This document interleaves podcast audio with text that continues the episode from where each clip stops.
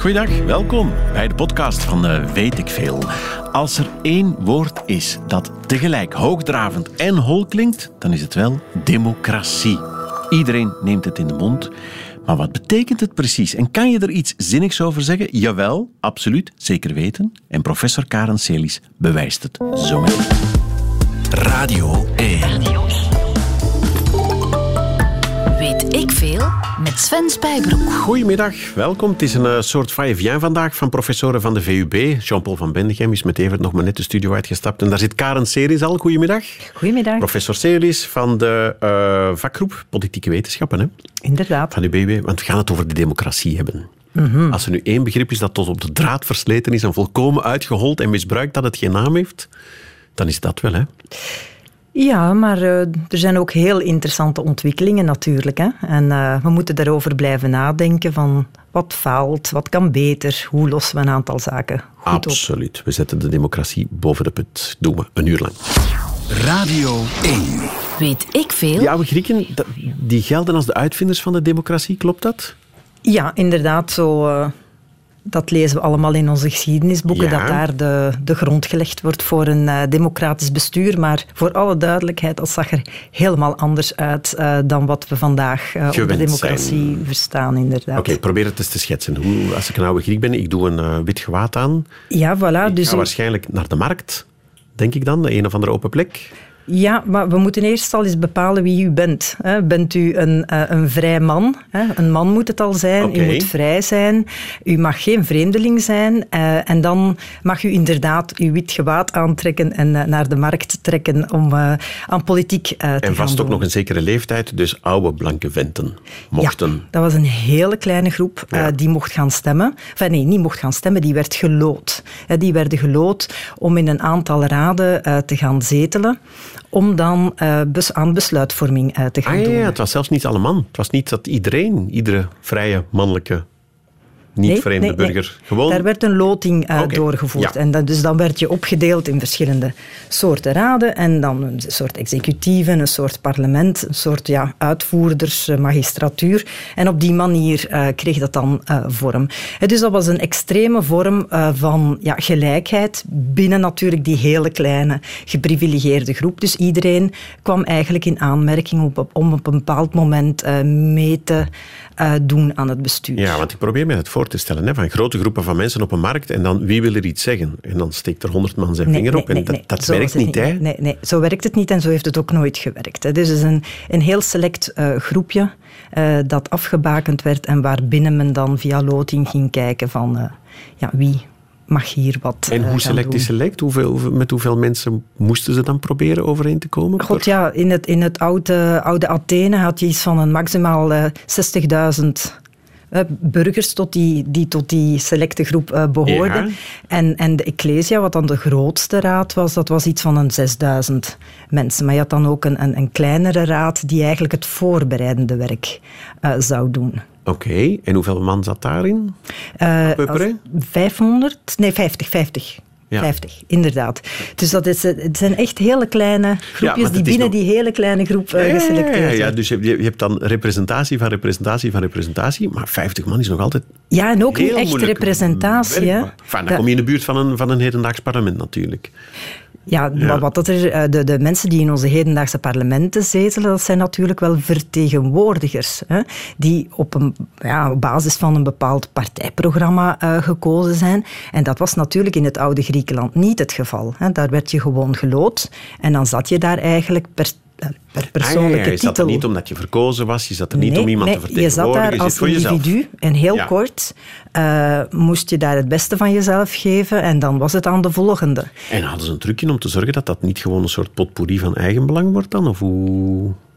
Ja, tuurlijk. De grote truc van de potpourri van het eigen belang is natuurlijk eerst die, die groep gaan afbakenen. Hè, van eigenlijk allemaal gelijkgezinde mensen die eenzelfde belang uh, hebben. Economisch gezien, uh, dat waren geen slaven, dat waren vrije mannen, uh, ja, welgestelde burgers. Hè. Dus ah, ja, dat was ja. een heel homogene groep, waarbinnen men dan ja, via die loting en rotering ging zorgen dat dat de besluitvorming uh, gedaan werd. Maar uiteraard had je daar heel weinig uh, contestatie, uh, tegengestelde belangen die tegenover elkaar moesten afgewogen ah, ja, worden, omdat het nogal een homogene groep ja, was. Ja, precies. Namelijk. Er werd niet zo gek veel ruzie gemaakt, hadden sowieso dezelfde belangen. Economisch gezien bijvoorbeeld. En in de parlementen van vandaag heb je vertegenwoordigers die specifieke groepen of belangen komen vertegenwoordigen. En dat is dus veel dat gaat veel meer gepaard met debat, met conflict uh, en, en om, om, die conflicten te gaan overbruggen enzovoort. Ja, bij, een, een, heel ander verhaal. Bij die Grieken werd er gestemd dan? Hè, van iemand doet een voorstel uit die groep van 50 en dan... En dan werd er gestemd, toch wel, ja. Ja, handjes opsteken. En zo, zo werd dat uh, vlotjes geregeld. Ja, oh, zo klinkt het wel heel makkelijk, hè?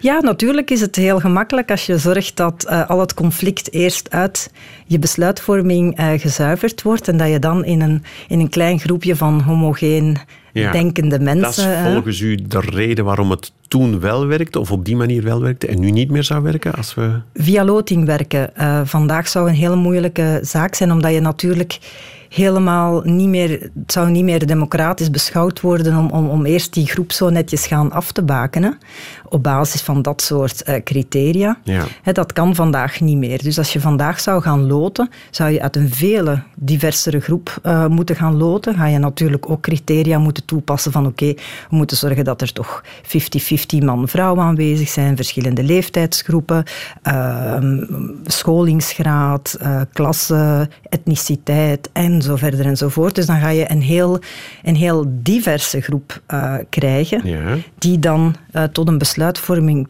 uh, gaat moeten, tot een beslissing gaat moeten komen.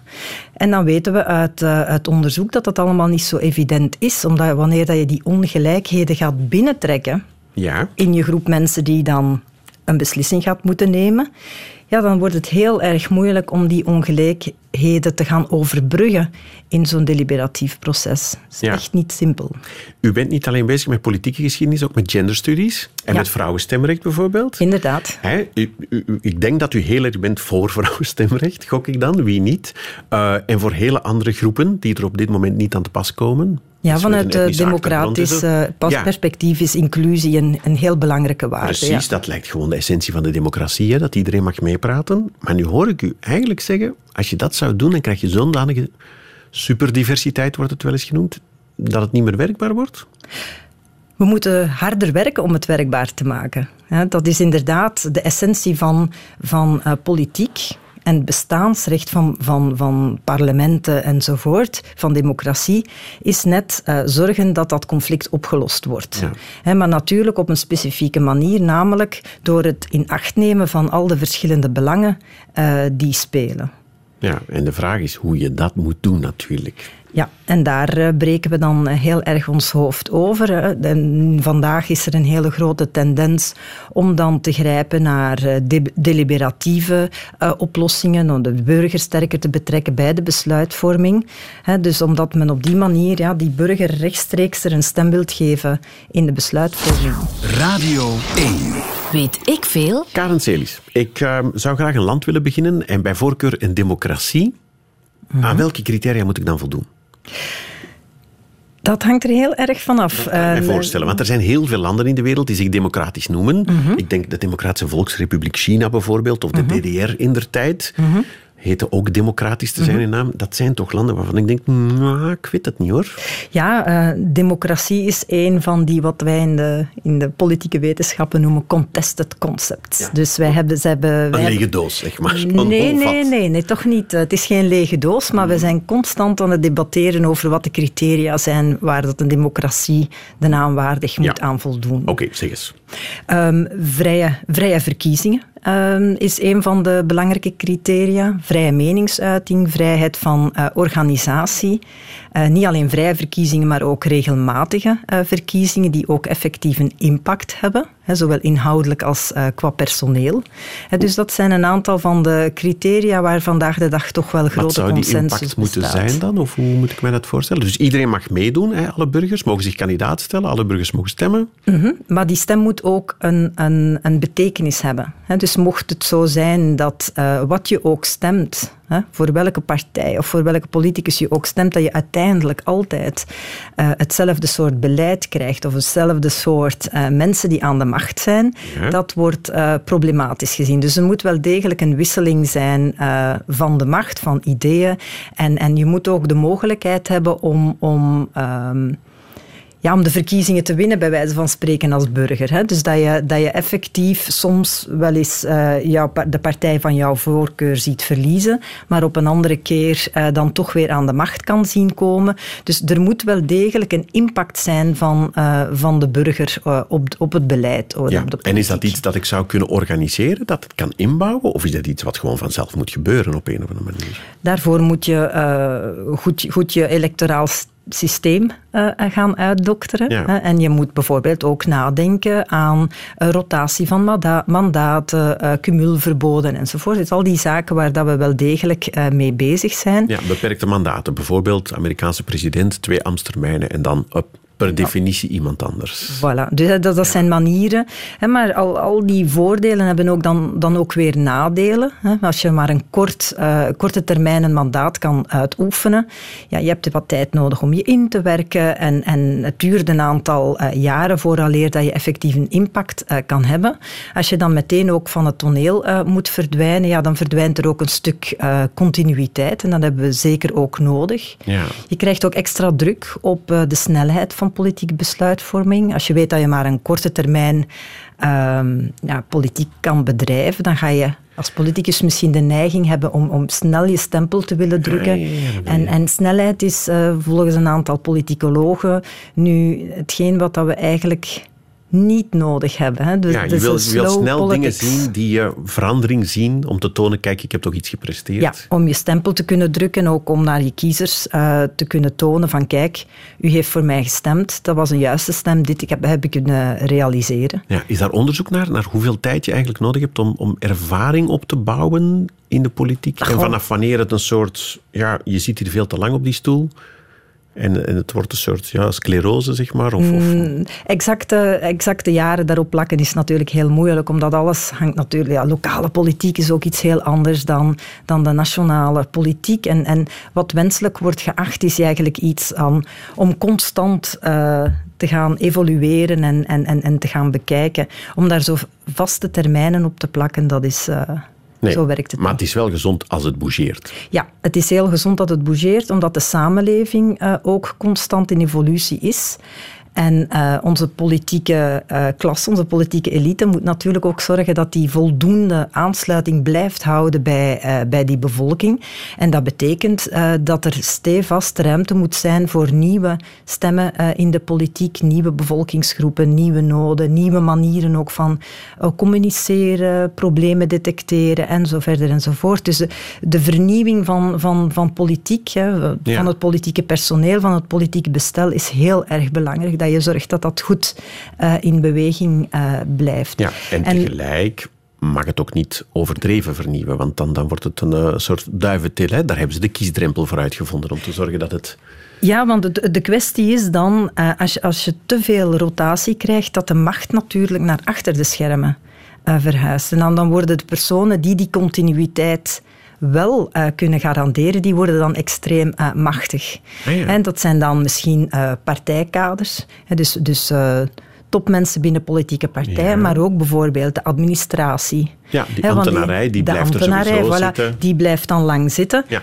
En dat is toch wel heel belangrijk, dat daar een goede machtsbalans is. Ja, scheiding der macht. Heb je dat ook nodig voor een democratie? Uiteraard, checks en balances, zodanig dat wanneer er een ja, een foute dynamiek ontstaat uh, in één uh, machtsblok, dat dat gecorrigeerd kan worden door een ander machtsblok. Ja. En ook daar, hè, dat heeft ook te maken met, met, met die rotatie uh, van de macht. Op, een, op het ene moment is het ene orgaan uh, doorslaggevend, maar dan weer het andere. Op die manier hè, blijft ook alles ja, in, in beweging en, en geconnecteerd met belangrijke waarden. Ja, is Amerika daar een goed voorbeeld van vandaag? Waarbij je met een hele impulsieve president zit, maar die zich toch aan de wet te houden heeft aan het eind van de dag? Voilà, dus dat is, ik denk dat dat een, een goed voorbeeld is van hoe belangrijk dat die checks en balances uh, zijn.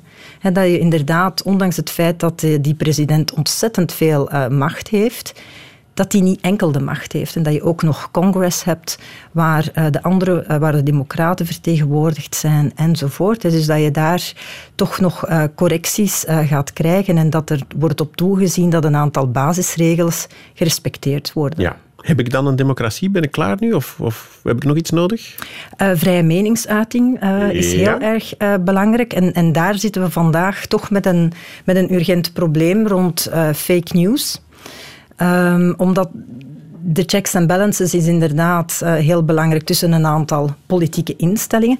Maar natuurlijk, het is de burger die op het einde van de rit natuurlijk wel uh, de ultieme uh, check doet. Ja. en wanneer dat die dat niet kan doen op basis van correcte informatie over wat aan de grond lag van een bepaalde beslissing, wat de impact is van een bepaalde beslissing, ja, dan heb je een ernstig democratisch probleem. En, en vrije meningsuiting en fake news, dat, dat gaat niet samen. Ja, ik, ik vind het grappig. Fake news, het klinkt als een nieuwe term. Het is eigenlijk gewoon liegen. Hè? Volgens mij is het zo oud als de straat. Liegen en zeker in de politiek. En manipulatie, ja. En dat, de moeilijke, het moeilijke daar is dat je wij zijn als burgers heel erg afhankelijk van onze politici om een bepaald probleem juist in te schatten, om daar de consequenties ervan te zien, om dat eens te bekijken vanuit perspectief vanuit andere groepen. Dus wij zijn voor onze opinievorming heel erg afhankelijk van uh, politici. En dat is goed dat, dat, dat zij voor een stuk daar het entrepreneurship nemen. Ja. Maar anderzijds ja, zijn die politici natuurlijk ook voor, van ons afhankelijk. Dus hebben zij de neiging om ons zaken te gaan voorstellen op een manier hè, die ons dan kan overtuigen om te stemmen voor die politicus. Dus je hebt daar een hele dunne grens tussen informeren en manipulatie. Ja, ja de politicus zal geneigd zijn om datgene te vertellen waarvan hij denkt dat ik het graag hoor. Ja, want we, en, en dat is een van de belangrijke evoluties in, de politiek, in het politieke denken over democratie is, is de erkenning dat, het, dat, dat onze vertegenwoordigings, uh, vertegenwoordiging niet in één richting werkt. Het is niet zo dat de burger uh, belangen heeft en die dan via verkiezingen getransporteerd worden, so to speak, naar onze politici, die die dan in wetten gaan omzetten. De realiteit is een veel grotere interactie waarbij dat politici uh, bepaalde thema's en problematieken zelf gaan, van, gaan verwoorden. En dat het dan de burger is die zich gaat erkennen in, in die bepaalde problematiek of een bepaalde zienswijze. He, dus dat is veel meer een wisselwerking waarbij dat het, dat het vertegenwoordigingsproces eigenlijk ja. vaak ook vertrekt vanuit onze politici eerder vanuit uh, de, de burger. Ja, snap ik. Vroeger, oude stempel, politicus zegt, ik denk dat het zo is, we gaan dat gewoon zo doen. Vandaag zegt hij, als het aan mij ligt, ik zou het zo doen en wacht dan op het antwoord van de burger. In ja, het is, een, het is een interactie. Hè? Dus de burger maakt kenbaar dat hij bepaalde belangen heeft, hè? dat hij wil dat er A, B of C gebeurt. En dat, daar gaat, uh, gaan onze politici proberen een antwoord op te bieden. Maar het is evenzeer zo dat onze politici, om die kiezer uh, goed te vertegenwoordigen, zelf bepaalde thematieken op de agenda gaan zetten. En bijvoorbeeld in heel de milieuproblematiek, wat is de, wat is de beste oplossing? Zonne-energie, windenergie of toch uh, nucleaire energie en zo verder enzovoort. Dat, dat zijn geen zaken waar de doorsnee burger ochtends mee opstaat en zegt van ik wil zonne-energie. Nee, die burger gaat zich maar een, een, een mening vormen over wat nu de beste oplossing is op basis van wat die politici uh, vertellen. Ja, hè, de, en concreet voorstellen. Die, voilà, en, en het is op die manier dat eigenlijk hè, de, de, de mening van de burger gevormd wordt. En dat is natuurlijk een heel delicaat proces waar dat heel veel vertrouwen moet zijn ja. in beide richtingen. En er is ook geen rechtstreekse lijn tussen de politicus en de burger. Hè? Enfin, dat is er tegenwoordig hoe langer hoe meer, door sociale media onder andere, waar ook door veel politici handig gebruik wordt van gemaakt. Vroeger, voor een deel nog altijd, zit de pers daartussen mm -hmm. en de klassieke media. Hoe die dat vertalen in twee richtingen, heeft ook een enorme invloed. Hè? Dat heeft een enorme in, in, in invloed en vandaar dat heel die beweging van fact-checking enzovoort uh, ook zo, zo cruciaal ja, is voor ons. Dat heet niet voor onze, niks de vierde macht natuurlijk. Voilà, en dat is, dat is effectief uh, een heel belangrijke. Het probleem met vrije meningsuiting is dat ik mag zeggen wat ik wil. En als ik zin heb om te liegen, dan mag dat ook. Voilà. En, en Ja, vrijheid, maar, maar daar, zit je dat dan met vlak. dat fake news in je democratie, hè? Ja, en, en, en dus, dus de burger heeft vandaag heel erg de, de indruk dat hij bijvoorbeeld geen politieke partijen of, of organisaties meer nodig heeft om die belangen goed te gaan eh, formuleren. Hè, iedereen is expert geworden, je tweet maar wat op, je plaatst maar van alles op, op, op je Facebook en dan eh, heb je je politieke mening eh, geventileerd en voilà. Ja. Maar zo werkt het natuurlijk niet. Ja, natuurlijk, zo Belangen werkt moeten op wel. elkaar... Ja, zo werkt het hè, Ja. op on the ground. Maar dan heb je nog altijd geen goede besluitvorming. Dan heb je nog altijd geen, geen democratie. Ja. Want namelijk, in, in een democratie is het wel zo dat je op een bepaald moment hè, wetten gaat moeten kunnen produceren eh, die als legitiem worden ervaren. Ja. En hoe ga je dan van die eh, tweets hè, naar die legitieme Ja, maar besluitvorming... het zou kunnen zijn dat je een wet kan stemmen waar de meerderheid van de bevolking achter staat, maar die, als je het met de feiten en de wetenschap en zo aftoetst, een slechte wet is of slechte gevolgen heeft op een of andere manier. Ja, en dat is een, democra- een democratie ook weer een van die constante Ja. evenwichtsoefeningen tussen efficiëntie en legitimiteit. Precies, want u zei fact-checking. De vraag is, wie gaat de facts checken? Wie gaan we geloven? Wie wordt de toetssteen die gaat zeggen dit is waar en dit is niet waar? Voilà, en daar eh, denk ik de, terug naar Trump. Daar zitten we natuurlijk eh, ook weer met een heel grote problematiek rond communicatie. Waar dat je twee volledig gescheiden communicatiekanalen hebt. Enerzijds richting de Democraten, anderzijds richting de Republikeinen. En daar zit heel weinig communicatie nog tussen beide. Dat ze elk hun eigen kanalen hebben. Ja, voilà. Dus iedereen, eh, zowel democraten als republikeinen, kunnen netjes binnen hun eigen bubbel eh, blijven en praten met de eigen, eh, enfin, met, met gelijkgestelden. Want dat is toch de grote miserie voor jezelf als burger ook. Hè? Wie moet ik in hemelsnaam nog geloven? Dat is een hele moeilijke. En daar is ons politiek systeem slecht op afgesteld. En mocht ik wijzigingen Een land eh, mogen maken? ja, We doen het samen, kom, zeg eens. Ja. Dan zou ik echt heel erg eh, inzetten op eh, accountability, account giving. Hè. Dus rekenschap afleggen van de beslissingen die je hebt genomen. Nu is dat alleen met de verkiezingen. Hè? Eén keer om de ja, zes jaar, om de vier jaar, whatever. Maar zijn de verkiezingen daar eigenlijk nog echt op afgestemd? Ik begin het ernstig in twijfel te trekken. We vaardigen uiteraard wel onze politici af en, en we hebben een aantal contouren meegegeven tijdens de verkiezingen van welk soort beleid we willen. Dat is een, een heel complexe eh, puzzel geworden nu. Maar is het zo dat wij tijdens de verkiezingen echt onze politici ter verantwoording roepen. Er zijn een aantal zaken, eh, een aantal elementen in ons systeem die dat eigenlijk verhinderen. Franstalige politici moeten in Vlaanderen geen verantwoording afleggen voor het beleid dat ze gevoerd hebben, onder- ondanks het feit dat wij daar wel degelijk de gevolgen van dragen. Ja.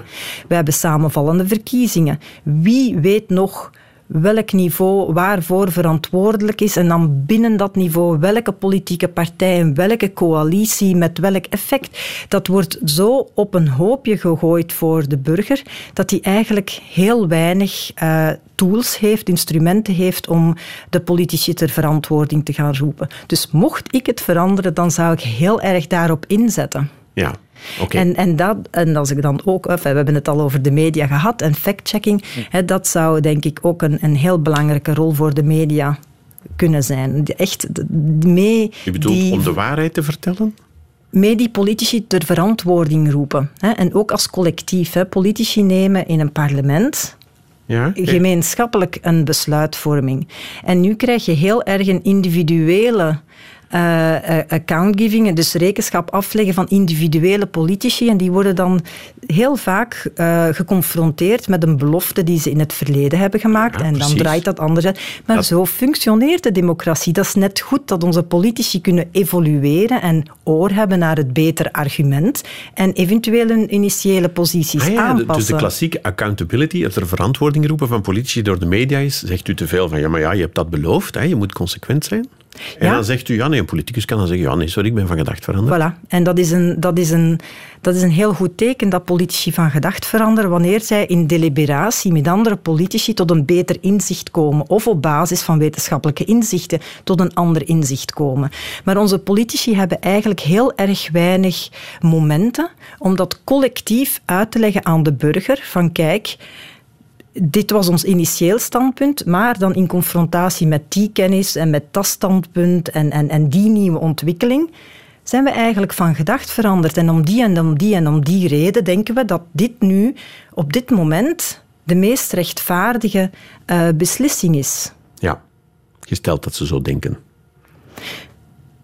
En niet ik denk dat dat de norm moet, uh, dat, dat, dat de norm, moet zijn. ja. Maar, maar nu, gaan, nu gaat iedereen heel erg uh, mee in, in, in de redenering dat, dat het enige wat telt op het einde van de dag is hoeveel stemmen dat je haalt en hoeveel voorkeurstemmen dat je haalt. En dat moeten we doorbreken. Nogmaals, mocht ik het veranderen, dan zou ik uh, waarom, daarop inzetten. Waarom denken politici zo? Omdat het zo is natuurlijk. Aan het eind van de dag moet je de verkiezingen zien te winnen.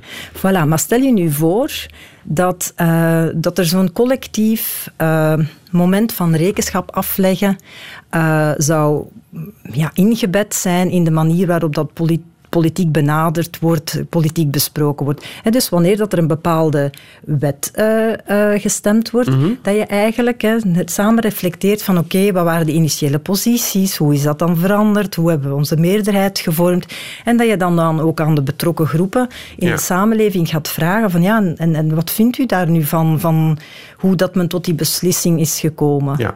En dan mogen die dat zeggen en dan verandert dat niks, want aan het eind van de dag zijn nog altijd verkiezingen. Nee, maar als, als je zou voorstellen dat dat op een, op een publieke manier gebeurt, dan gaan burgers toch wel betere eh, instrumenten hebben om te beslissen van kijk, die politieke partij die politicus, die politica, die heeft het goed gedaan, ja. volgens mij. Of beter begrijpen waarom het zo moeilijk is. En waarom je compromissen moet sluiten. En waarom je plots van gedacht verandert. Voilà. Het klinkt een onze... beetje als, als hoorzittingen. Hè? Of, of zoals de Europese Commissie. Die moet ook eerst uh, spitsroede lopen voor het hele parlement. En wordt helemaal uitgehoord, op voorhand dan, over wat ze mm -hmm. van plan zijn. En, uh, ja, dus dat is de, de input is er vaak. Hè. Ja. Uh, effectief, hè, dat, dat je een hoorzitting hebt, dat iedereen uh, zijn daar, daar zijn gedacht kan komen zeggen en, en met argumenten kan aankomen ja. enzovoort. Maar nadien die terugkoppeling naar die mensen die men in de hoorzitting heeft gehad, die zou beter moeten kunnen gebeuren. Ah ja, niet alleen het idee van het is inspraak en vertel maar wat je wil en we gaan mm -hmm. luisteren en dan doen we toch ons goesting als politici. Kan, hè? Ja, en, maar, en, en die, maar ook uitleggen waarom je iets voilà, hebt. Ja, voilà. Okay, en voilà. die uh, je goesting doen is in een, in een democratie heel erg belangrijk. He, dus wat, dat, je onze verko dat, je, dat onze verkozen politici, dat die effectief met elkaar gaan overleggen van kijk, dit wil mijn achterban, dat wil, u, dat wil uw achterban, hoe kunnen we hier een compromis bereiken, enzovoort. Ah, ja, ja, ja. Je moet niet alleen echt te vuur en te zwaard je eigen achterban verdedigen. Je moet ook nee. bereid zijn om daarvan af te wijken en te Absoluut. zeggen, ik ben van gedacht Dat is de essentie ja. van de representatieve democratie. Okay. He, dus dat, dat je eigenlijk een soort afstand creëert tussen wat de burger initieel wil en, en, en, en heeft uitgedrukt uh, wat die wens is tijdens de verkiezingen en dat politici daar nadien mee aan de slag kunnen om eventueel verschillen te overbruggen, om consensus te gaan vinden. Ja. Huh? Dat is de essentie van een representatieve democratie. Weet ik veel? Ik ben met uh, professor Karen Celis de democratie aan het heruitvinden. Uh -huh. Het gaat geweldig goed. Geef ons nog een uurtje en we zijn eruit. Ja, af en toe is aftoetsen aan de werkelijkheid. Dat gaat al veel moeilijker natuurlijk. Um, Plato, daar hebben we het nog niet over gehad, was een tegenstander van de democratie. Hij heeft op een bepaald moment ook dat experiment gedaan, de, de, de oude Griekse filosoof wijsgeer, om te kijken, het ideale de republiek heette dat dan. Hè? Uh -huh. Hoe ziet die eruit? En hij waarschuwde, nee, democratie dat gaat altijd eindigen in dictatuur. Je gaat het zien. Ja, de, de, de tirannie van de meerderheid. Hè? Ja. Dus men had inderdaad um, schrik van uh, de ongeletterde uh, massa. Hè? En dus de onbeheersbaarheid van, van, van heel die, die, die grote groep uh, mensen. Dus men had een, een, een, voorkeur om het bestuur in handen te houden van Um, ja, een gelijkgezinde elite, zoals u er net ja, zei. Ja, en, en, mensen waarvan men ook kon vertrouwen van, ja, die weten wat besturen is. Hè, dus die hebben een bepaald ambacht ja. ook. Maar ook als je iedereen laat meestemmen, zoals vandaag de dag het geval is, dan -hmm. nog krijg je een meerderheid die beslist, al is het met 51 procent, en dan zijn er een hele groot, grote groep mensen die er niet aan te pas komen. Hè? Nee, maar die grote groep die heeft nog altijd een stem in de politiek. Hè? Die kan nog altijd via oppositie druk op de ketel houden en hopen om uh, gehoord te worden, ook tijdens, en tijdens de volgende verkiezingen dan. Uh, een, een, een, machtswissel uh, te gaan uh, neerzetten. Dus, dus de meerderheid beslist, maar de, de, de minderheid hè, heeft nog altijd een, een, een, stem in de democratie. Ja, want u, is niet u bent bezig, als ik het goed heb, aan een doctoraat over de, de vrouwelijke representatie in de politiek. Mijn doctoraat dat is al uh, heel erg lang geleden. Dat is al de goed en wel... ja, ja voilà, dat ik had is... het net met Evert ook, hè, over, over vrouwenstemrecht. Op een bepaald moment moeten al die mannen beslissen onder elkaar of vrouwen stemrecht krijgen of niet. Ja. En God weet dat het waanzinnig lang geduurd heeft in ons land. Ja, tot, tot uh, 48 heeft dat ja, uh, 1948. 1948, inderdaad. Voor alle duidelijkheid, kan, kan je daar iets aan doen?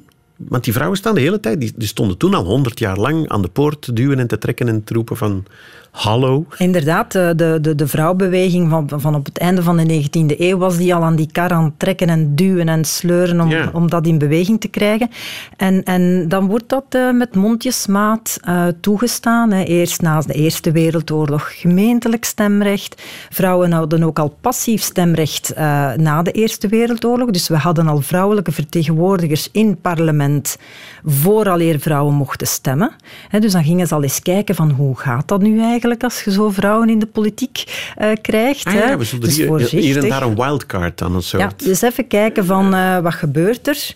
Eh, en dan in 48 is dan het, het algemeen stemrecht toegekend. dus maar dat blijft vandaag van ook een probleem. Hè? Er zijn heel veel groepen van mensen die er niet aan te pas komen. Hè? Ja, inderdaad. Hè, maar de tendens is wel degelijk wat we dan democratisering noemen, hè, om die groep eh, die een stem heeft in de politiek, om die stevast eh, uit te breiden. En dat doen we door inderdaad eh, geslacht niet langer een criterium te laten zijn. Als we verder teruggaan in de tijd ook rijkdom hè, of een diploma. Dat zijn allemaal redenen geweest om mensen Ah, ja, stemrecht te geven of extra stemmen Je had te eerst geven. een Seinskiestelsel, dan moest je zoveel en zoveel Belasting verdienen of be- bezit ja, hebben ja. of belastingen betalen. En dan Anders een meervoudig te stemrecht. Dan kon je een extra eh, stem krijgen op basis van, van je diploma. eh, Of Ja. dat je toch een eigenaar bent van, van immobiliën en dat, dat soort zaken. Ehm, Voor vrouwen zijn er vandaag zelfs quota. Hè? Van er Ja. moeten er zoveel op de lijst staan en minstens in, 50-50 in de hoogste posities inderdaad. op de En- lijst, zo en zo. mhm. En in de grondwet hebben we ingeschreven dat eh, de regeringen niet, niet uit één geslacht mogen bestaan. Ja. Dus we, gaan, we zijn daar echt heel erg eh, mee bezig. Leeftijd is een ander criterium waar we constant mee aan het morrelen zijn om zo, grote wel, zo'n zo groot mogelijke groep in te sluiten in de politiek. Het verlagen van de kiesleeftijd. Ah, ja, We zijn ge- gestart eh, Ja. eh, rond 25 en we zijn nu naar, naar beneden aan het gaan en, en regelmatig duiken daar debatten over eh, op van oké, we gaan naar, ja, naar 16 gaan. Ja, maar stel nu, het parlement is ongelooflijk... Nee, niet stel nu, het parlement is ongelooflijk blank op dit moment. Nog altijd. Mhm. Als je daar meer kleur wil inkrijgen, dan moet je beslissen wat het woord kleur betekent. En Ja. wie daar... Bij man en vrouw, ça va nog. Dat is voor 90 procent, laten Dat we is, zeggen... dat is eerder aan de min of meer duidelijke te kant. bepalen. Dat is eerder aan de duidelijke kant. Ja, dat zegt ja, mooi. Ja, en voor die andere groepen wordt het veel en veel moeilijker. Hè? Ja, maar daar, daar, ik kijk nu naar, naar het Brussels parlement. Dus daar is het eh, aantal eh, witte mannen, en voel je alsjeblieft niet eh, persoonlijk aangesproken. Nee, ik hoop dat het- ze daar in de minderheid zijn. Want, Daar zijn ze nu teruggebracht tot een derde. ah, voilà, want sociologisch klopt dat. Want Brussel... Dat is nog altijd een oververtegenwoordiging, maar bon, dat is, we komen daar van een hele andere situatie, toch van, van 90 procent. Ja. Nu niet in het Brussels parlement, maar in de politiek. Hè, zijn we in de jaren 90 gestart met, een, met 90 procent hè, witte mannen. Mhm. hè. En daar zit dan in de loop van, van toch een beperkt aantal decennia een, een gigantische evolutie in. En hoe komt dat? Hoe verklaren we dan die eh, evolutie? Natuurlijk, enerzijds wordt er druk op de ketel gehouden door vrouwenorganisaties, eh, organisaties voor etnische minderheden enzovoort. Maar langs de andere kant is het natuurlijk zo dat politieke partijen voor hun overleven afhankelijk zijn van de stem.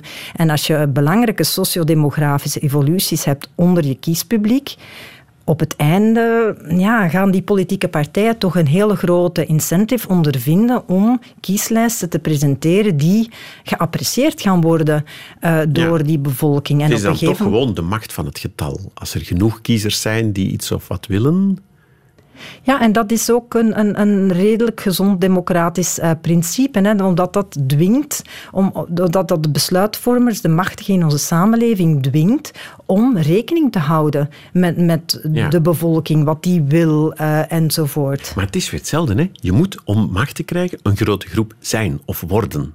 In dit geval, het is één stem per persoon, dus je moet met veel zijn. Uh Voor de groepen die niet tot de meerderheid behoren, maar sowieso tot de minderheid, die hebben een probleem. Hè? Ja, maar daarom hebben wij ook in onze grondwet uh, rechten voor minderheden uh, ingeschreven. Hè?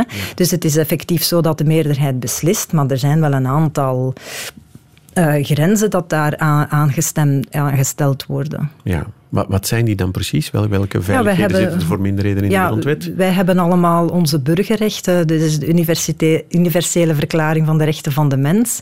het is die, die individuele mensen in de samenleving een aantal grondrechten verleent. die je waar, niet kan afpakken, waar, ook niet Die in de ook niet eh, via meerderheden te sluiten. Ja.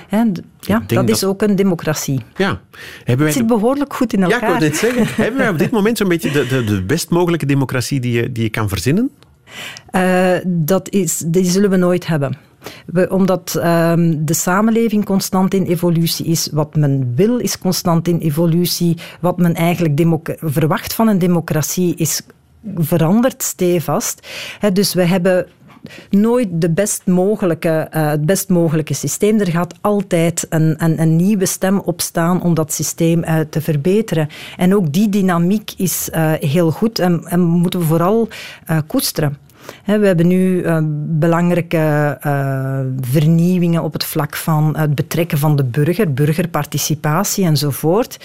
Dus dat zijn, uh, dat zijn goede, goede evoluties. Ja. Dat dat aantoont dat men constant nadenkt van hoe kunnen we de stem van die burger beter capteren, daar beter mee aan de slag ja, gaan. Politieke partijen zelf hè? ook. Ja, want op dit moment decreet lokaal bestuur. Voor de eerste keer wordt er voorzien dat ja, gemeentebesturen een participatiereglement moeten opstellen.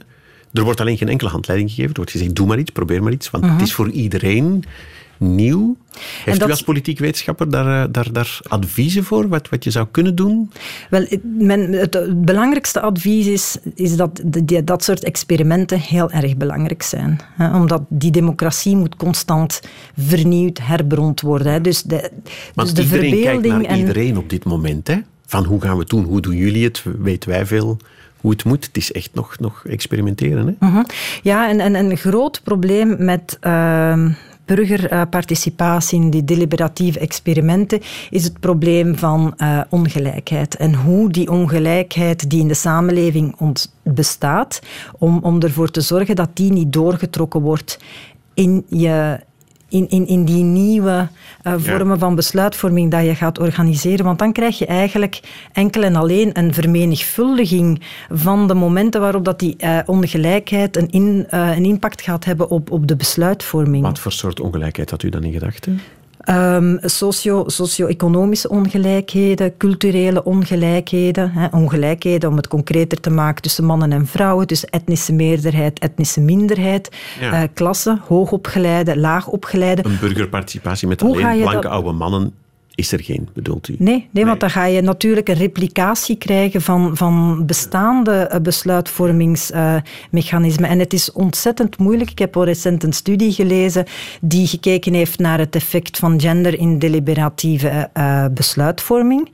Wat blijkt, dat is en ontzettend moeilijk om genderongelijkheid te overbruggen in een deliberatieve setting. Dus je gaat eigenlijk, hmm. wanneer dat je werkt met uh, uh, meerderheid, meerderheidsbeslissing, als je zegt van oké, de meerderheid beslist in onze dus je bedoelt, je, je, in, in, een soort van burgerpanel of zo, je vraagt burgers om mee na te denken, mee te beslissen. Ja. En dan blijkt dat vrouwen daar ook niet aan de bak komen of geen zin hebben om mee te doen of niet kunnen wegen op de beslissingen? Of? Inderdaad, en dus, dus je gaat al, al moeten, als je bijvoorbeeld op voorhand beslist van oké, op het einde van onze deliberatie gaan wij beslissen met uh, meerderheid, mm dan ga je eigenlijk al een oververtegenwoordiging van vrouwen moeten uh, in, in, je, in je assemblée hebben om de stem van vrouwen te horen. Omgekeerd, als je unaniem gaat beslissen in je burgerparticipatie, of in je deliberatief uh, setting, dan ga je een ondervertegenwoordiging van vrouwen moeten uh, hebben, omdat anders die vrouwen te veel gaan rekening houden met de visie van, van uh, andere ondervertegenwoordigde groepen. Dus het is ontzettend moeilijk om bestaande mechanismen van privilegie, dominantie en, en, en onderdrukking en, en uitsluiting, om die te gaan doorbreken in toch wel een, een relatief korte periode uh, van zo'n besluitvorming. Ja, is vaak niet ook een probleem dat veel van die dingen waarover beslist moeten worden in de politiek gewoon heel erg technisch zijn? En he, je heel veel informatie en kennis nodig hebt? En dus per definitie een aantal mensen die of niet de opleiding of niet de tijd hebben om ermee bezig te zijn uitsluit? Ja, zeker en vast. Uh, dat, dat, en, en, dat is een, een groot, uh, grote problematiek. Dus je moet ook daar weer de tijd gaan nemen. En niet iedereen heeft die tijd natuurlijk, de tijd gaan nemen om uh, je, je, die, die materie gaan eigen te maken, uh, om die techniciteit uh, ja, te overstijgen en in te zien van oké, okay, wat is hier nu eigenlijk de echte, de echte keuze. Ja, en dan moet je weer geïnformeerd worden door andere mensen. Het doet mij een beetje denken aan, aan bij een assisejury ook. Hè. Dan beslis je over leven en dood. Gewoon een, een, bij lot getrokken leken. En die moeten zich laten informeren door Openbaar Ministerie, verdediging, de rechter mm-hmm. enzovoort. Dat is precies hetzelfde systeem. Hè? Ja, dat is, zo, dat is inderdaad een, een, Ja, maar dat duurt ook niet voor niks zo lang. Hè? Ja. Je krijgt daar heel veel experten die uh, voor en tegen, uh, hun, de, bewijzen voor en tegen komen, komen uitleggen. De perceptie speelt daar ook een heel erg belangrijke rol. En, en dat is net zo met, met politiek. Politiek is niet alleen een technische aangelegenheid, dat gaat ook over ideologische keuzes, dat gaat over, over waarden. Democratie is niet iets dat is. Of efficiënt bestuur is niet alleen iets dat is, dat moet ook zo gepercipieerd worden en aanvaard worden door uh, de burgers. Die moeten zich ook ja, die democratie moet ook als legitiem ervaren worden. Dus dat kan misschien wel een, een, een, een technisch juiste beslissing zijn of een technisch heel gesofisticeerde wet. Maar als de burger niet het gevoel heeft dat, dat die uh, wet effectief aan, aan zijn of haar belangen tegemoet komt, ja, dan heb je eigenlijk niet bereikt wat je moet bereiken. Ja, en dat, dat, dat schort het wat aan tegenwoordig, hè? De kloof met de burger. Enfin, dat, dat, praten we al 10, 20, 30 jaar over. Oh ja, ja, ja. ja, ja. en, ja, en we praten daar al zo lang over, omdat de kloof inherent is aan, uh, aan de democratie. Ah, het hoort er altijd bij. Het hoort er altijd bij. Het zal bij. nooit weggaan. Nee. En we moeten altijd weer proberen om die kloof te dichten. Absoluut. Maar niet willen geloven dat die ooit gedicht gaat worden. Uh, echte uh, democra allee, aanhangers van de vertegenwoordigende democratie, waaronder ik mijzelf reken, die, die zien het belang in van uh, die kloof tussen burger en politiek en om, om bijvoorbeeld geen beslissingen te nemen systematisch via referenda. Ja, oké. Okay. De kloof tussen burger en politiek, als ik even mag. Nee. 20, okay. 20 seconden oh, nog. Ja. Oh. Maar u heeft gezegd, het is een beetje is zoals de liefde. Hè? Het is een werkwoord, je kan er bezig mee blijven. Ja, dat is ongelooflijk. Hè? Ik heb echt het gevoel dat we nog maar aan de inleiding zijn. Oké, okay, maar dan kom ik morgen gewoon dat... terug. Morgen? Ja, ik moet kijken op mijn papieren wel, welke onderwerpen we dan moeten afschaffen, maar ik doe dat met veel plezier, want dat is razend interessant. Professor Karen Celissen, dank u wel. Graag gedaan. Radio 1. Weet ik veel? Dit is het einde van onze podcast over uh, democratie. Weet ik veel, zoals je weet. Een hele reeks podcast waarin telkens een onderwerp een uur lang wordt uitgespit. En uh, je kan ook op radio1.be terecht voor al onze andere podcasts. Geniet ervan.